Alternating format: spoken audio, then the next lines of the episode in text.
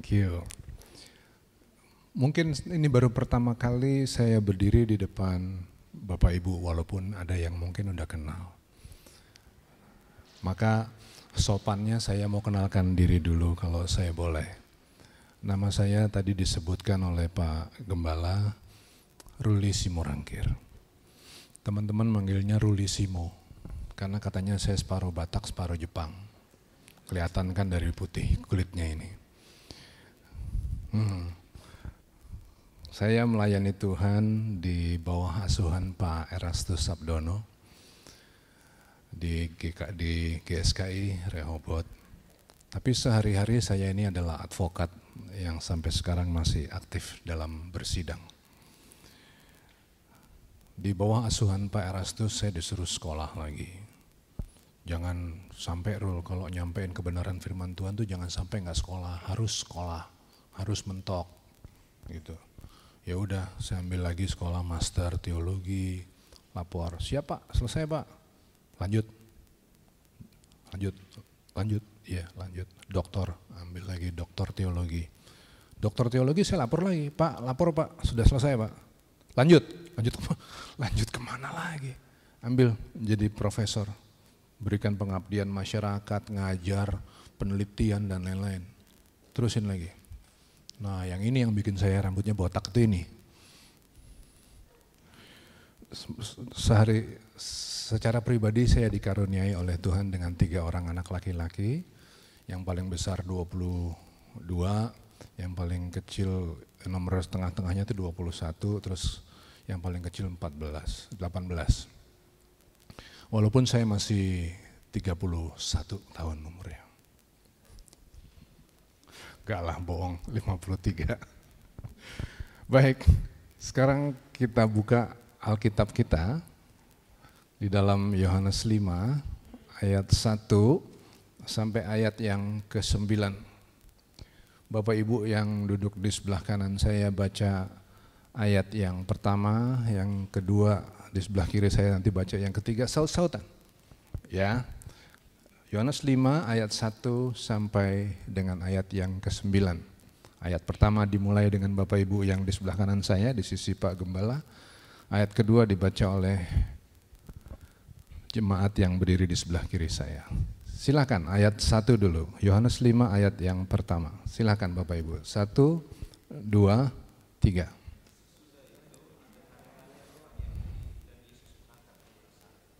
Silahkan ayat kedua.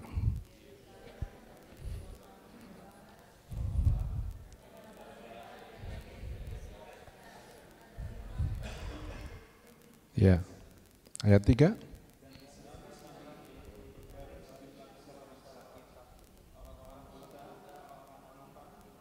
Ya. Silakan ayat keempat.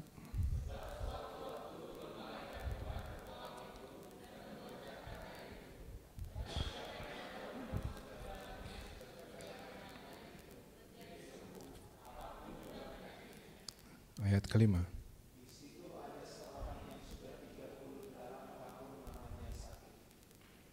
Ke-6.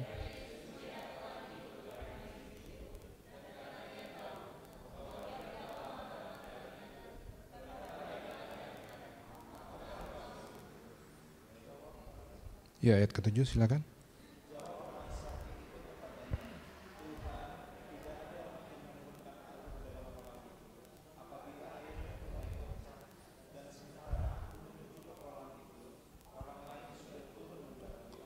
Ayat ke-8 silakan.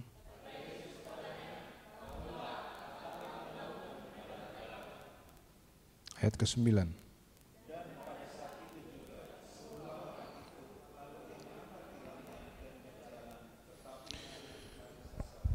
Baik. Bapak Ibu, kita baru saja membaca suatu cerita mengenai mujizat yang terjadi di kolam Bethesda. Kolam Bethesda ini menjadi begitu penting sehingga pada akhirnya menjadi nama rumah sakit dan lain-lain.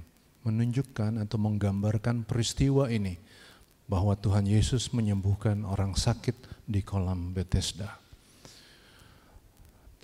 Hari ini kita mau belajar bahwa pada prinsipnya sebetulnya untuk menyembuhkan seseorang itu hal mudah. Sangat mudah bagi Allah untuk menyembuhkan orang. Tuhan Yesus cukup berkata, angkat tilammu, sembuh udah, beres. Menyembuhkan adalah hal yang sangat simpel. Tapi ada hal lain, ada hal lain yang mesti kita pelajari. Bukan soal sembuhnya, ada hal lain yang mesti kita pelajari. Nah apa itu? Oke, saya mulai dulu dengan penjelasan bahwa yang disebut dengan kolam Bethesda itu adalah sebuah kolam yang letaknya di luar, saya ulangin, letaknya di luar tembok Yerusalem. Jadi kalau ini tembok Yerusalem, kolam Bethesda itu adanya di sini. Ini ada suatu makna penting. Kenapa dia di luar? Segala sesuatu yang ada di luar itu bukanlah tempat ibadah Yahudi. Tempat ibadah Yahudi adalah segala tempat yang berada di dalam tembok. Di luar tembok bukan milik orang Yahudi. Yang disembah di sini bukanlah Allah Elohim Yod He Waf He. Bukanlah Allah Israel yang disembah di sini. Yang disembah di sini adalah dewa Asclepius. Dewa Asclepius adalah juru selamat orang pagan, juru selamat orang Roma yang memang bisa bawa kesembuhan. Sampai hari ini dewa ini kita kenal dalam bentuknya yang dis, dia itu bentuknya ular.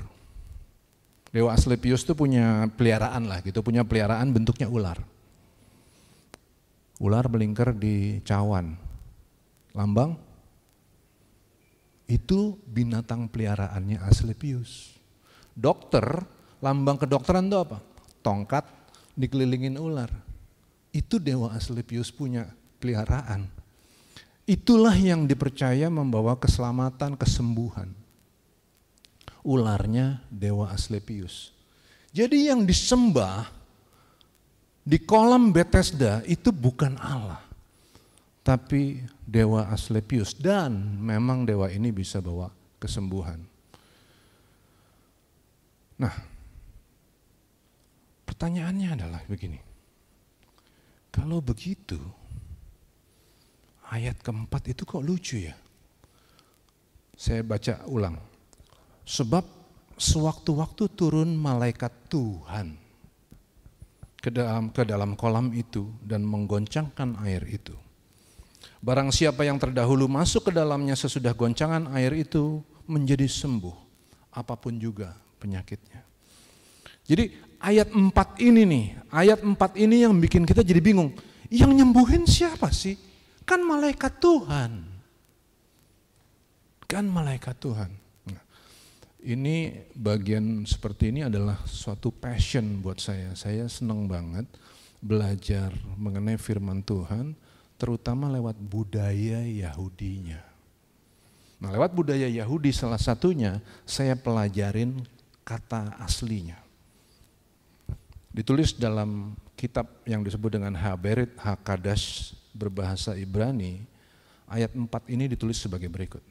Kimalah, kimalah yarat bemoado al habereka fayares et meimeha fehayah Hayoret Rishon El Tohah Achare Higoasyu Hamayim Hunir Pamikol Makalah Asher Dafkah Bo yang artinya yang artinya adalah begini. Di depan itu ditulis gini.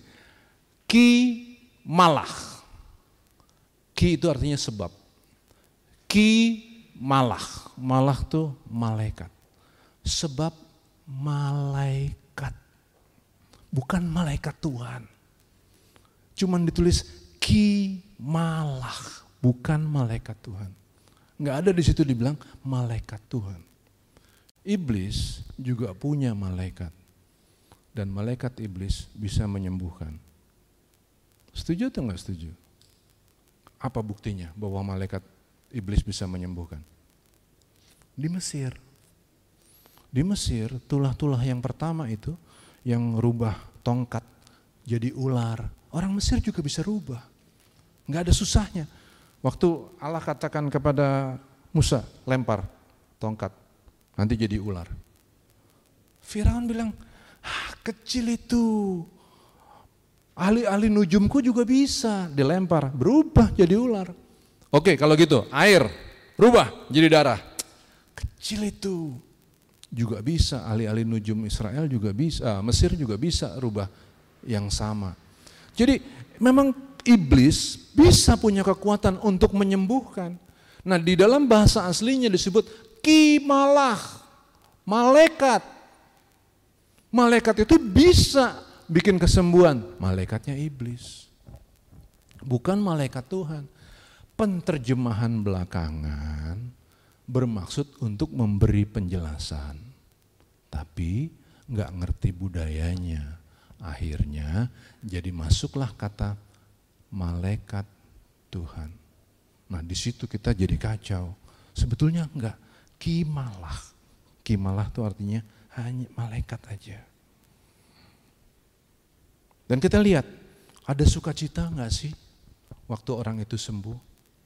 Kan coba lihat, ini ya ada sekelompok orang. Jadi kolam Bethesda itu kolam panjang, ada tiang-tiang begini. Ini kayak begini, tiang, tiang, tiang, keliling.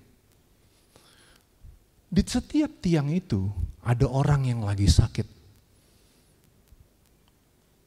Masing-masing kalau lagi sakit, kalau lagi di ICU gitu kan ngobrol kita. Sakit apa pak? Udah berapa lama? Obatnya apa aja? Keluhannya dulu apa sih? Kan kan kan kan gitu kan. Kita saling tahu. Waktu bapak saya dulu sakit sebelum meninggal begitu di ICU itu kita aduh kompak banget mas sebelah sebelahan. Kalau yang satu ternyata meninggal kita juga ikut sedih, ikut nangis gitu. Satu perasaan, satu pikiran. Seperti itulah orang sakit kan? Tapi coba lihat. Waktu Tuhan Yesus datang, kenapa? Kamu mau sembuh? Ya Tuhan, tapi orang-orang di sini pada egois semua. Begitu airnya goyang, dia langsung jebur semua.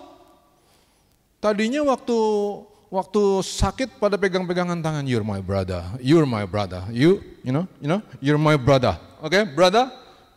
Tapi begitu airnya goyang, nggak ada urusan. Semua orang nyebur duluan. Terserah lu rasain sembuh, sembuh. Enggak, enggak, terserah. Yang penting gue sembuh. Nggak ada sukacita. Pokoknya semua orang mau egois saja, mau nyemplung. Kan begitu. Kelihatan bahwa yang bekerja di situ bukanlah kuasa Tuhan. Yang kerja di situ adalah ya itu iblis. Ada masalah lain nih yang saya lihat. Masalah lainnya gini. Tadi dewa siapa bu yang disembah di kolam itu? Asclepius, ya kan? Terus kalau gitu, ngapain ada orang dari bangsa terpilih? Bayangin ya, ini ada orang dari bangsa terpilih orang pilihan Tuhan yang tahu persis bahwa Allah adalah Allah yang pencemburu. Allah nggak suka kalau orang nyari penyembuhan alternatif, benar nggak? Terus what's the guy doing there? Kenapa ada orang dari bangsa terpilih minta penyembuhan alternatif? Kenapa ya? Kok bisa begitu ya? Nah, Memang Pak, kesembuhan, bebas dari penyakit itu adalah hak azazi semua orang. Ngalamin persoalan dalam bentuk penyakit itu nggak enaknya nggak kira-kira. Beberapa hari yang lalu saya masuk rumah sakit. Dirawat karena panas tinggi. Satu kali panas saya sempat 42 Waduh, itu asli korslet ya. Gara-gara virus yang kita nggak lihat, nggak tahu apa. Dokter bilang katanya demam berdarah, tapi juga diperiksa-periksa laboratorium nggak jelas apa. Itu rasanya ya. Badan segede gini, muka sangar begini, hitam botak begini. Virus masih berani juga. Dan begitu begitu dihajar penyakit kita langsung langsung kayak Ayam juga masih lebih gagah dari saya. Saya kedinginan, nggak enak, cuman satu hari. Orang ini 38 tahun dia sakit, kebayang nggak? 38 tahun. Dia udah nyoba segala macam tuh. Begina, bogunu, bogono. Dia udah cobain sampai mati angin, udah nggak tahu mau ngapain lagi. Tetap nggak sembuh. Dan of course mungkin in the first years dia masih tetap mengangkat tangannya, dia berdoa kepada Allah. Bapak, tolong Tuhan sembuhin aku. Tapi Allah juga kadang-kadang seolah-olah nggak denger loh. Seolah-olah Allah nggak dengar. Kita buka yuk, Mazmur 77. Kita buka Mazmur 77. Ini problem. Karena ternyata memang begitu. Seringkali waktu Allah dipanggil minta tolong, dia tidak segera menjawab. Bukan karena dia tidak bisa menjawab, tapi memang karena dia tidak menjawab segera. Saya baca mulai dari ayat 2. Pada hari kesusahanku aku mencari Tuhan, kata penulis Mazmur. Malam-malam tanganku terulur dan tidak menjadi lesu. Jiwaku enggan dihiburkan. Apabila aku mengingat Allah maka aku mengerang. Aku apabila aku merenung makin lemah lesulah semangatku. Dia ngangkat tangan. Dia bilang, Tuhan walaupun engkau tidak mendengar aku, aku angkat tanganku Tuhan. Aku tetap setia. Aku mau mencari penyelesaian yang dari engkau. Tolong aku Tuhan, tolong. Enggak dijawab loh. Satu tahun nggak dijawab, dua tahun nggak dijawab, lima belas tahun nggak dijawab juga. Sampai akhirnya mungkin pemazmur sampai pada kalimat begini nanti. Sudah lenyapkah untuk seterusnya kasih setianya? Ayat 8. Telah berakhirkah janji itu berlaku turun-temurun? Sudah lupakah Allah menaruh kasihan? Atau ditutupnyakah rahmatnya karena murkanya? Maka kataku, Inilah yang menikam hatiku bahwa tangan kanan yang maha tinggi berubah. Lihat, lihat. Perasaan seperti itu dimiliki kan sama orang ini. 38 tahun. Sakit dua hari aja kita langsung, aduh gak kuat loh rasanya. Ini 38 tahun. Biayanya gimana? Kok gak disembuhin? Mana? Beberapa waktu yang lalu, kejadian di Amerika, ada anak kecil kejebur ke danau. Danaunya itu danaunya harusnya udah udah beku, tapi masih belum cukup tebel esnya. Anak kecil main di danau itu. Main, main, main, kecemplung. Mati. Udah satu jam, nggak bisa napas, Dokter udah bilang ini anak udah meninggal. Ibunya suruh masuk, suruh berdoa sama anaknya berdua dikasih waktu. Ibunya berdoa. Ibunya bilang begini, Tuhan, please, please, please bring him back. Please God, bring him back. Hidup loh. Itu anak hidup. Dokter terus bilang gini, ya udah oke okay, hidup, tapi nggak mungkin bertahan semalam. Bertahan ah udah pasti cacat, nggak mungkin bener, pasti cacat. Tiga hari dia sembuh total, nggak ada cacat sedikit pun. Tapi orang marah. Orang marah lagi, orang tuh suka marah. Kalau nggak disembuhin marah. Kenapa Tuhan? Inilah yang menikam hatiku. Kalau ada kesembuhan orang marah lagi. Kenapa dia yang disembuhin gua nggak?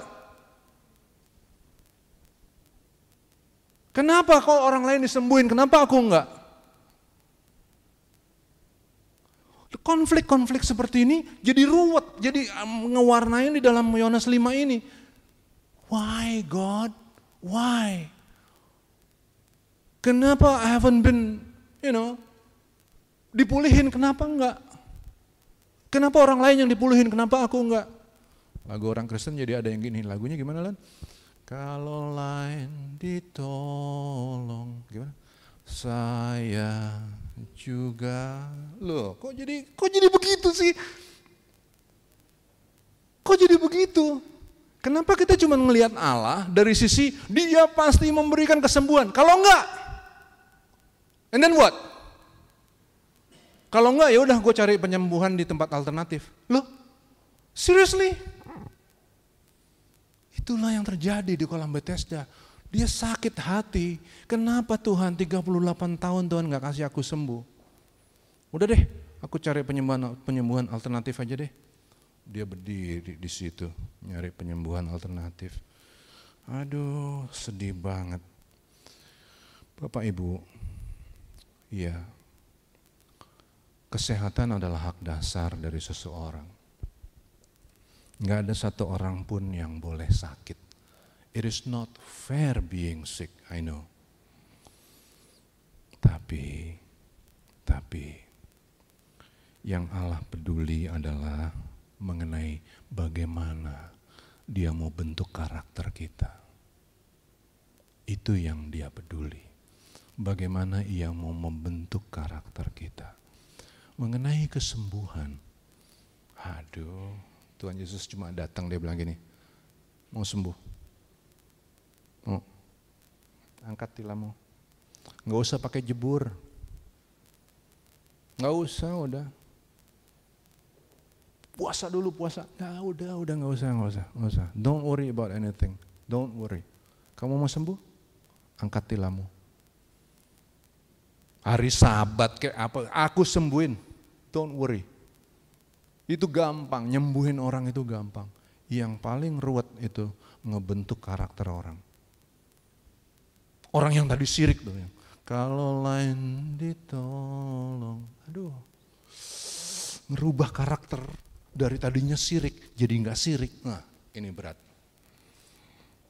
Dari tadinya pelit jadi nggak pelit. Allah lagi bikin lagi lagi bikin kerajaan yang isinya adalah orang-orang terhormat. Itulah kita nantinya. Tapi hari ini banyak orang yang karakternya belum terhormat. Pelit. Ini salah satu problem kan? Pelit. Gue demen lihat muka-muka yang ada di sini pada bingung semua karena nggak ada yang ngerti arti kata pelit. Semua begini, pelit. No, that's not me. Good. Saya bangga berdiri di sini karena semuanya bingung dengan kata itu. Coba gimana lagi mukanya lagi? Tadi muka muka bingung gimana? Muka bingung? Gak ada di sini yang yang yang pelit nggak ada. Puji Tuhan. Egois? Egois? Ego itu persoalan yang rumit banget loh. Hmm. Mau saya bikin Alkitab jadi simpel nggak? Supaya kita pulang dari sini kita bisa paham. Dosa itu apa sih Pak? Ayo, ada yang bisa jawab nggak? Dosa itu apa sih? Dosa itu apa? Oke, kita bikin simpel ya, lihat ya. Di Taman Eden, di Taman Eden itu hanya ada satu kata yang penting. Di Taman Eden itu satu kata yang penting. Di dalam kejadian satu sampai kejadian tiga, di Taman Eden itu sebetulnya hanya ada satu kata yang penting. And what is it? What is it? Him. Dia. Segala sesuatu bagi dia. Hanya bagi dia segala kemuliaan. Bagi dia. Apa pun yang dikerjain Adam hari itu, semuanya adalah untuk kepentingan Allah. Katakan amin. Gak ada satupun yang dibuat sama Adam untuk kepentingan dirinya. Adam, ini ada Hawa. Bukan karena Adam minta loh. Bukan untuk kepentingan Adam. Adam ini ada Hawa, beranak cuculah, bertambah banyak, kuasailah bumi. Untuk kepentingan Allah. Jadi hanya, hanya ada satu kata penting. Him. Pada saat itu. Nah, yang bikin kacau Eden itu karena dosa kan? Oke, sekarang bikin simple Bu. Dosa itu apa? Dosa adalah I. Aku. Sejak the introduction of the word I, maka perhatian manusia beralih dari semula hanya untuk kemuliaan Allah, sekarang menjadi me. This is my iPad, this is my iPhone, this is my I, I, me, myself, and I. Itu dosa. Me, myself, and I. Itulah yang terjadi di pinggir kolam Bethesda. I don't care. Yang penting aku mau sembuh. That's me. Nah karakter yang begini nih, yang egois ini nih, itu harus dikikis. Mesti dihabisin, nyembuhin penyakitnya, simple thing. Tapi ngerubah karakternya, wah, aduh. wah, udah, udah, udah, udah, udah. Itu paling serem. It's about me soalnya. Ya kan? Kenapa rumah tangga rusak?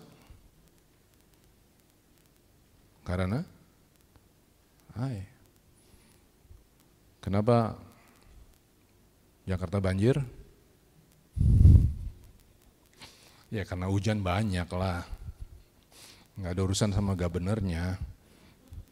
Enggak, nggak ada. Itu urusannya karena hujan, karena hujannya kebanyakan. Iya kan? Dulu ada nih, ada satu calon presiden, empat kali dia mau hampir jadi presiden. Kerjanya naik kuda. Naik kuda, Pak. Kerjanya dia demen banget naik kuda. Kenapa dia nggak dipilih? Yang dipilih ada satu. Ini bukannya di Indonesia, jangan pada senyum-senyum. Ini di luar negeri, Bu. Yang luar negeri itu kayak gitu. Ada dulu yang akhirnya menang itu satu pedagang furniture atau apa gitu. Orang senang sama dia. Kenapa? Karena nggak hidup untuk dirinya. Sementara si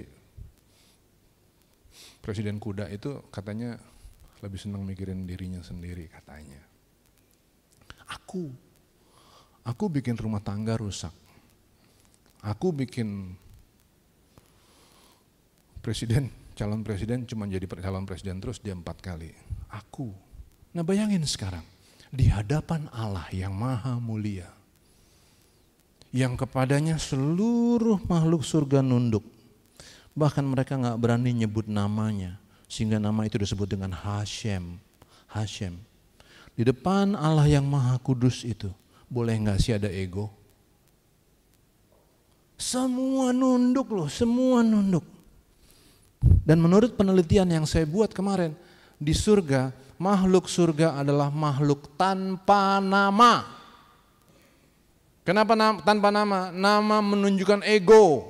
Nama itu nunjukin who we are in the past, who we are today, and who we want to be in the future. Nama is about myself. Karena itu di surga, tata kerama surga adalah makhluk tanpa nama. Nah bagaimana caranya? Sekarang kita udah kebiasaan semua about me.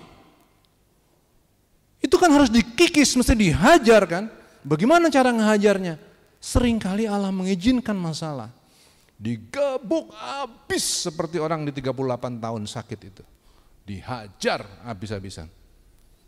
Itu pun masih salah mikirnya. Masih tetap maunya sembuh. I don't care about anything, I just want to be healthy. Salah, nggak bisa begitu. Allah mudah sekali bagi dia untuk menyembuhkan, tapi memang sengaja sering kali membiarkan kesulitan itu. Ada anak kecil, dia nulis lagu. Walau ku tak dapat melihat semua rencanamu Tuhan. Namun hatiku tetap memandang padamu.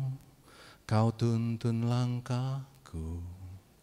Ini anak kecil memang benar-benar dia sakit Setahu saya dia juga ada penyakit-penyakit yang lebih berat yang nggak bisa kelihatan mata. Tapi dalam kondisinya yang susah itu, dia bikin lagu loh, dia nyanyi. Walau ku tak dapat berharap akan kenyataan hidupku. Anak kecil, nggak bisa lihat, penyakit yang lain juga banyak. Dia bikin nyanyi, bikin lagu pujian kayak begitu. Bagaimana harusnya kita? Harusnya kan kita lebih tough dong.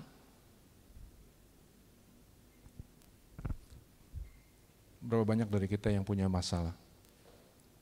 Nah, mukanya lain lagi nih, mukanya nggak ada masalah semua lagi. Asik banget loh di sini ini, keren loh. Nggak ada yang pelit, nggak ada yang egois, nggak ada yang punya nggak ada yang punya persoalan. Haleluya. Kita kasih tepuk tangan dulu deh kalau gitu. Bohong tapi. Problem kita numpuk lah, ya kan? Nah, sering kali dalam kondisi kita punya problem, kita terus tergoda untuk berdoa kepada Tuhan supaya Tuhan segera angkat. Bapak Ibu, yang saya sampaikan hari ini di sini adalah bahwa it's easy untuk Tuhan mengangkat masalah itu. Tapi jangan cari jalan yang gampang. Choose the hard right over easy wrong. Always choose the hard right over easy wrong. Gampang kita minta, Tuhan tolong Tuhan tapi kita nggak mau milih yang gampang. Kita bilang, no Tuhan, aku milih supaya engkau memberi aku kekuatan. Choose always the hard right over easy wrong. Emang sih Tuhan, duh berat banget rambut rontok tiap hari gara-gara persoalan nggak selesai-selesai. Tapi aku nggak mau nyari jalan gampang, minta supaya Tuhan angkat problemku. Aku nggak mau. Wah, itu baru terhormat. Itu persis seperti apa yang Tuhan Tuhan Yesus rasakan di bukit waktu dia diuji. Nih, rubah. Nih, batu. Rubah jadi roti. Apa jawab Tuhan Yesus?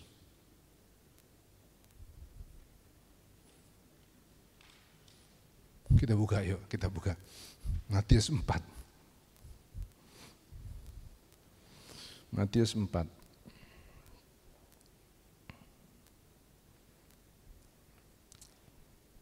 Hmm. Yuk kita baca sama-sama di Matius 4 ayat yang keempat. Satu, dua, tiga. Tetapi Yesus menjawab, ada tertulis, manusia hidup bukan dari roti saja, tetapi dari setiap firman yang keluar dari mulut Allah. Ketika Tuhan Yesus mengucapkan kalimat ini, sebetulnya dia sedang mengutip tulisan lain di dalam perjanjian lama. Dia lagi ngutip tulisan lain dalam perjanjian lama. Kita buka ulangan 8 ayat 3. Ini yang sedang dikutip oleh Tuhan Yesus. Ulangan 8 ayat 3.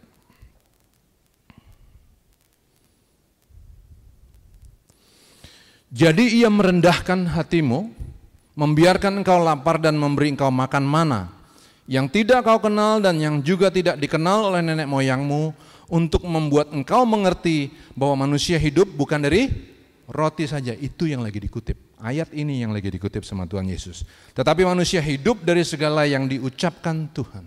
Nah, dalam cara berpikir Yahudi, kalau kita nemuin, oh iya oke, okay. dia berarti dia ngutip dari berapa tadi? Ulangan 8 ayat Ulangan 83 itu punya makna yang bisa kita gini, kan jadi bingung nih. Jadi kalau gitu artinya apa ya?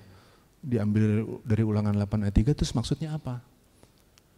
Pengertiannya ambil dari ulangan 8 ayat 2. Kita baca. Kita baca ulangan 8 ayat 2. Ulangan 8 ayat 2. Di situ message-nya itu dikandung di dalam ulangan 8 ayat 2. Coba kita baca sama-sama. Satu, dua, tiga.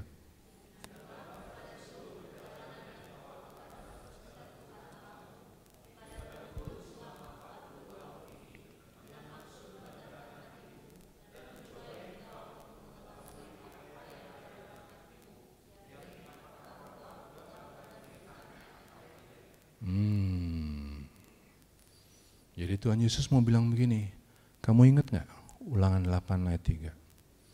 Allah tuh sengaja loh ngasih kesulitan. Supaya jelas bahwa manusia itu tidak hidup dari roti saja. Kalau orang datang kepada Tuhan cuma cari roti, nggak keren. Cuma nyari berkat, nyari jalan keluar terhadap masalah, nggak keren.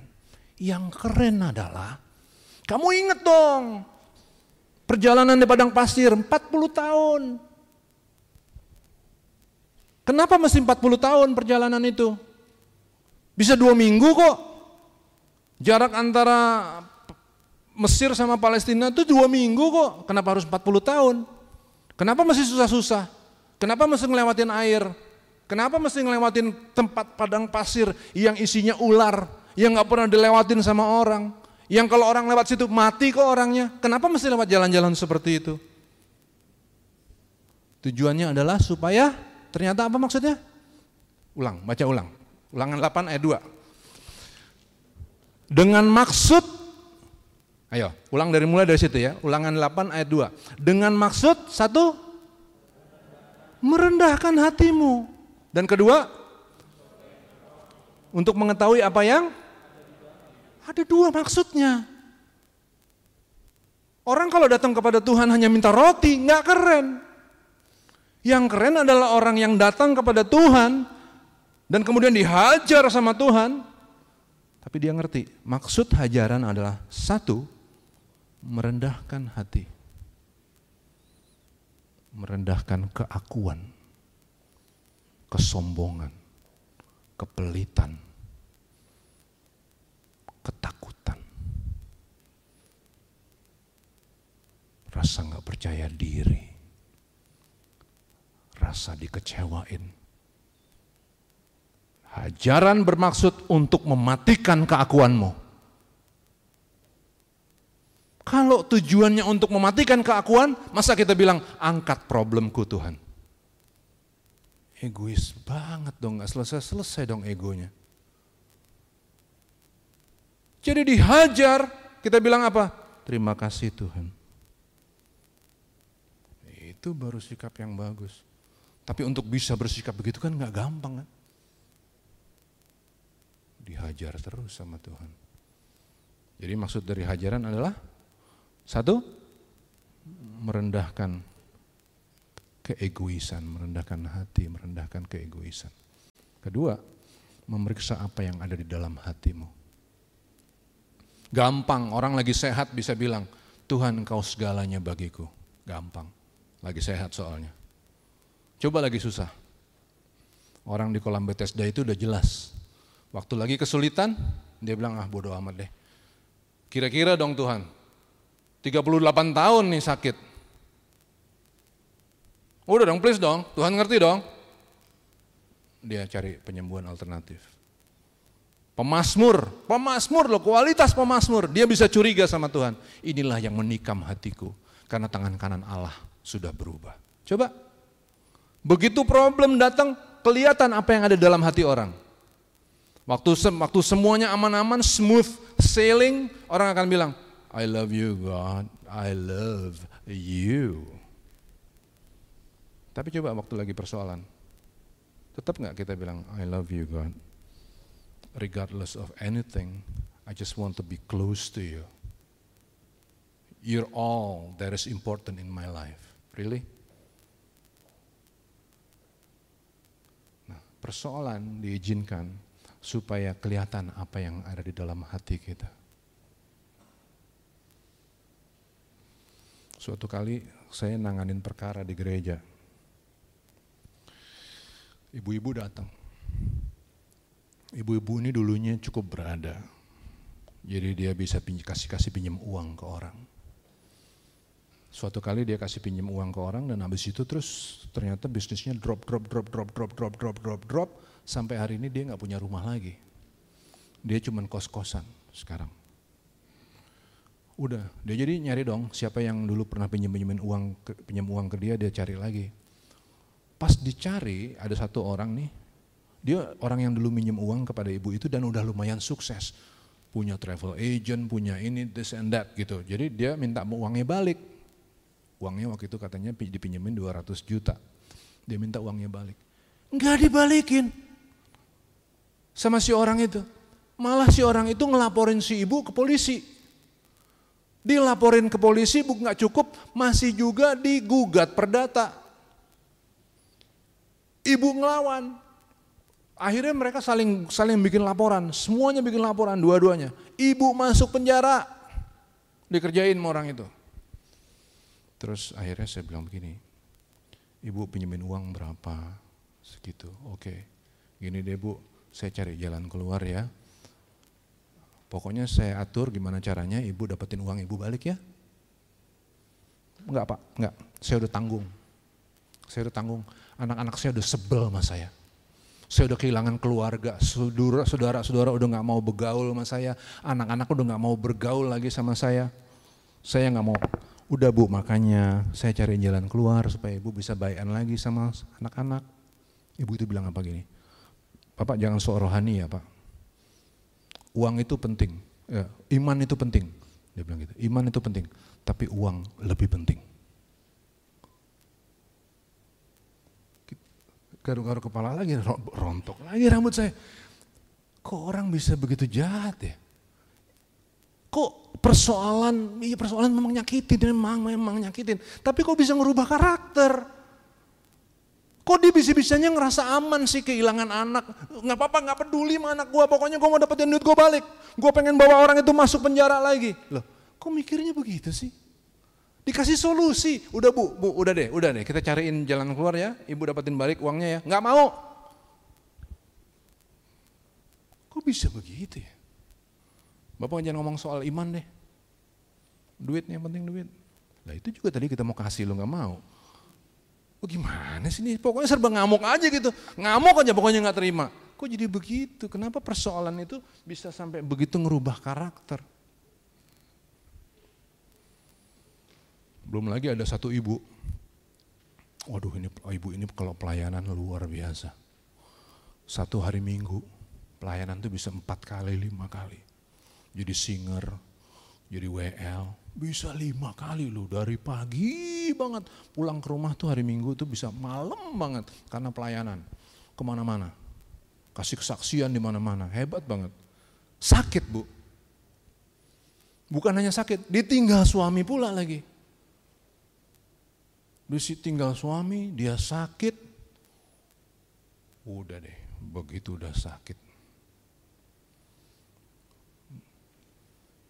udah sempat koma. Udah sempat koma, bawaannya marah melulu. Tuhan gak adil sama saya. Tuhan gak adil. Saya melayani Tuhan itu udah luar biasa. Kenapa kok jadi kayak begini? Begitu ngomelnya. Koma. Koma. Itu monitor udah bunyi nit, udah nut gitu. Terus saya datang ke ruang, ruang perawatan. Begitu saya masuk ke ruang perawatan, hidup lagi melek kayak lampu, kayak lampu, kayak lampu saklar nyalain ceting gitu, ting nyala lagi. Itu udah tit, ting nyala lagi. Itu dia bangun. Eh, Pak Pendeta, tadi waktu saya lagi out, saya ngeliat sih ada lampu merah, dia bilang lampu merah, saya pencet, di, di balik situ saya ngelihat ada Pak Pendeta, saya pencet, eh saya hidup lagi ternyata. Bagus dong. Saya bilang, oh iya puji Tuhan, tapi saya nggak terima sama Tuhan. Kenapa Tuhan bisa izinin suami saya pergi? Kenapa Tuhan izinin saya sakit seperti ini? Kenapa? Why? Why God? Why? Kok bisa begitu rusak ya orangnya karena persoalannya? Nah, malam ini kita yang ada di sini, kita sadar, kita harus harus harus sangat sadar bahwa setiap kita punya banyak masalah. Dan sering kali Allah bisa ngizinin masalah itu luar biasa, ruwet, ruwet banget. Apabila itu terjadi, aduh sebentar banget deh kalau Allah pengen bikin sembuh. Simple banget. Persoalannya bukan soal sekedar sembuh dari penyakit, tapi karakter kita loh. Allah tuh punya interest bagaimana dia bisa merubah karakter kita. Supaya kita pantas hidup sama-sama dia di surga. Sekarang harus diakuin jujur bahwa kondisi karakter kita belum tentu bagus.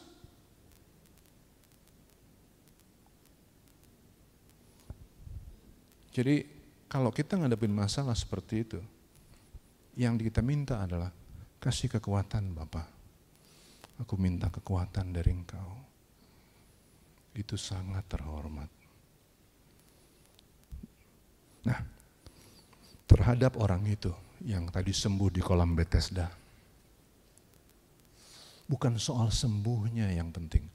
Yang sembuh itu ada di ayat, yang penting ada di ayat 14. Kita buka yuk ayat 14. Ayat 14, Yohanes 5 ayat 14. Kemudian Yesus bertemu dengan dia dalam bait Allah. Jadi orang ini udah balik lagi sekarang ke bait Allah. Tadinya dia nyari penyembuhan alternatif, sekarang dia udah balik lagi di bait Allah. Lalu Yesus berkata kepadanya, Bapak Ibu silakan baca. Satu, dua, tiga. Engkau? Terus?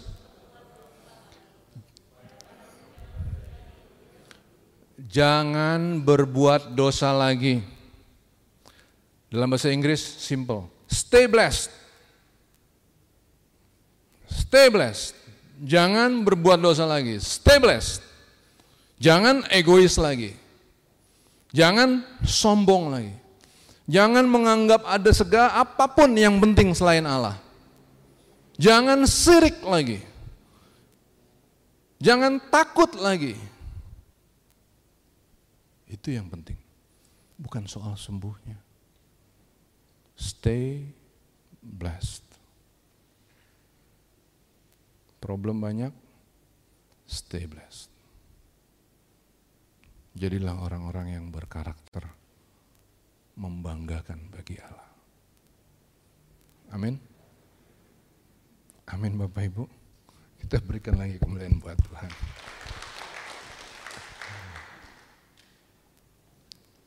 Adakah pertanyaan?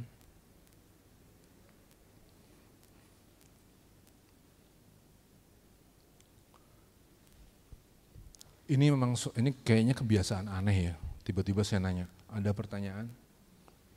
Ada pertanyaan gitu. Tapi begini, dalam dalam tradisi Yahudi, orang tuh belajar lewat tanya jawab. Sampai hari ini ibu Yahudi, kalau anaknya baru pulang sekolah, pertanyaannya begini, pertanyaannya, si ibu bertanya kepada anaknya, kamu udah ngasih pertanyaan belum tadi di sekolah? Gitu. Bukan kalau ibu-ibu kita ingat banget saya waktu masih kecil dulu. Nilaimu berapa? Dapat A nggak? Dapat A nggak? Gimana sih kok bisa nggak A? Kenapa sih? Kan udah les. Gitu pertanyaannya begitu. Kalau mereka nggak, mereka pertanyaannya gini. Udah ngajuin pertanyaan keren belum tadi di sekolah? Bertanya jawab itu adalah suatu proses belajar yang penting banget dalam tradisi Yahudi. Penting banget. Karena dengan bertanya, maka mungkin ada yang belum saya omongin, saya jadi ingat. Dengan bertanya, orang-orang sekeliling juga bisa diperkuat. Jadi pertanyaan itu penting banget. Lagi pula, kalau di gereja kan kita nggak bisa nanya. Jadi lagi ketemu begini nanya, iya kan? Nah tapi memang harus dibungkus sama perjanjian. Saya kan pengacara, nah kan pengacara ya pengacara aja ya kan harus ada perjanjiannya. Perjanjiannya itu harus kita buat begini. Setiap pertanyaan jangan dibikin jadi bahan ledek-ledekan. Kadang-kadang yang bikin orang takut nanya itu karena jadi gitu. Jadi pertanyaan lo tadi rada blow on deh. benar, benar, rada blow on. Aneh, aneh lo pertanyaannya lo gitu. Akhirnya orang jadi takut, tau gak sih? Gak ada pertanyaan yang blow on tuh gak ada. Semua pertanyaan tuh ditanya dengan tulus. Emang kepingin tahu. Atau ya kadang-kadang pura-pura nggak tahu lah yang nanya itu kan begitu, yang kan tujuannya mau ngebantu orang lain. Jadi jangan jadiin bahan ledek-ledekan. Setuju nggak? Setuju? Oke, pasal 1338 KUH Perdata, dia bilang bahwa perjanjian yang dibuat oleh para pihak yang sah membuatnya berlaku bagi undang-undang dan berlikat, mengikat, mengikat bagi undang-undang. Setuju? Kita tepok, kita ketok dulu, kita ketok dulu palunya. Oh, dah. Jadilah perjanjian barang tuh kan. Ya udah, sekarang boleh kalau gitu boleh nanya dong. Nggak ada yang takut diledek kan? Ayo, kasih pertanyaan. Iya Pak, silakan Pak. Puji Tuhan. Iya. Iya Pak.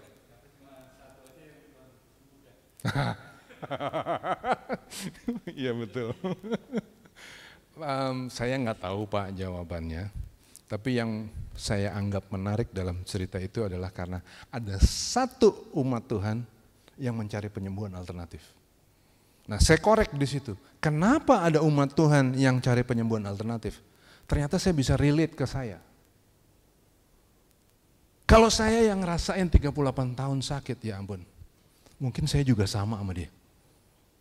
Jangankan sama, lebih jahat kali saya daripada orang di kolam Bethesda itu. Nah, mulai dari situ Pak, saya jadi renungin uh, firman Tuhan ini. Mulai dari situ. Kenapa ada orang, ada seorang pilihan duduk di tempat penyembahan berhala? Tapi terima kasih Pak buat pertanyaannya. Saya nggak tahu jawabannya yang tepat. Tapi itu yang pertanyaan itu yang bikin trigger di dalam hati saya sehingga saya cari. Ini. Ada pertanyaan lain?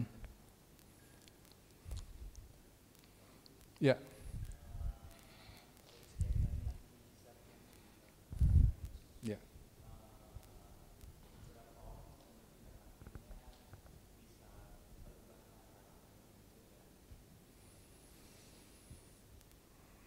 Hmm. Berapa orang yang betul-betul karakternya dirubah dan akhirnya menjadi orang yang benar. Salah salah 12 orang yang paling susah dirubah itu adalah 12 murid. Itu pun gagal satu. Yudas. Dua, tiga setengah tahun loh dekat-dekat sama Tuhan tapi satu melenceng, satu gagal. Nggak bisa direbut dari kekuasaan iblis. Yang sebelas, aduh, elah yang sebelas itu. Mikirnya, dia kepengen dekat-dekat sama Tuhan karena dia pikir Yesus bakalan jadi raja. Jadi pertanyaannya selalu mengenai siapa yang duduk di sebelah kanan, siapa yang duduk di sebelah kiri. Kapan engkau memulihkan kerajaan bagi Israel? Apa yang ada di pikiran orang-orang itu? Dia pengen jadi menteri. Pikirannya adalah bagaimana caranya gue jadi menteri nih. Ya karena memang juga masuk akal. Untuk jadi murid, tahu nggak harga apa yang harus dibayar untuk orang bisa jadi murid? Untuk bisa jadi murid, seseorang itu harus ninggalin keluarga, abis tinggalin, selesai. Dulu Elia pernah manggil Elisa. Elisa dipanggil, sah, sini sah. Sini mbak, udah sini. Jadi murid gua dah, gitu kan. Tahu nggak apa akibatnya? Dia harus potong si Elisa waktu itu tuh punya punya sapi untuk ngebajak sapi. Itu bisnisnya dia. Punya sapi. Sapi bajak. Dipotong dibikin barbeque. Barbeque-nya pakai bajak kayu, kayu bajak. Itu dijadiin api, ngebakar dagingnya. Harga dari pemuritan adalah ninggalin segala sesuatu. Kemudian hidup sama si, si guru, jalan di padang pasir, gurunya jalan, berdebu, berdebu, debunya masuk ke mulut orang di belakangnya. Itu harga dari pemuritan. Nah sekarang, please dong, paling enggak gue jadi menteri dong. Pikiran mereka tuh begitu. 12 orang itu mikirnya, yang 11 tuh mikirnya gitu, apa yang aku dapat? What do I get from following Jesus? What? Tapi puji Tuhan, in the end mereka benar-benar taat. Mereka benar-benar jadi orang-orang yang keren. Dari sebelas, hampir semua mati dengan cara yang ngeri. It's not about me anymore. Not about me. Mereka berani mati dengan cara yang sangat kejam apa kapan mereka bisa ber, beralih sehingga mereka berani ngasih nyawanya seperti itu. peralihannya terjadi waktu mereka stop thinking about themselves. Itulah murid Tuhan yang sampai hari ini dicari dari setiap kita. Can we stop thinking about ourselves? Can we? Allah mengerti, Allah peduli, Allah paham betul bahwa hidup kita susah. He understands. But can you stop thinking about yourself?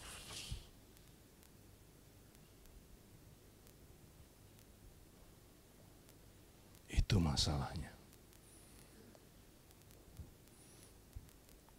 Sebelas itu kelihatan banget bedanya. Terus setelah yang sebelas itu nanti ada Paulus. Jelas Paulus. Hidupnya dirubah total. Bukan karena mujizat. Bukan karena Paulus ngerasain mujizat. No. Because he understands. Bahwa what it takes adalah to stop thinking about himself. Maka Paulus bisa bilang, hidupku bukan aku lagi. Tetapi Kristus yang hidup di dalam aku. Itu yang ditunggu dari kita. Itu kualitas kekristenan yang ditunggu dari kita. Thank you pertanyaannya.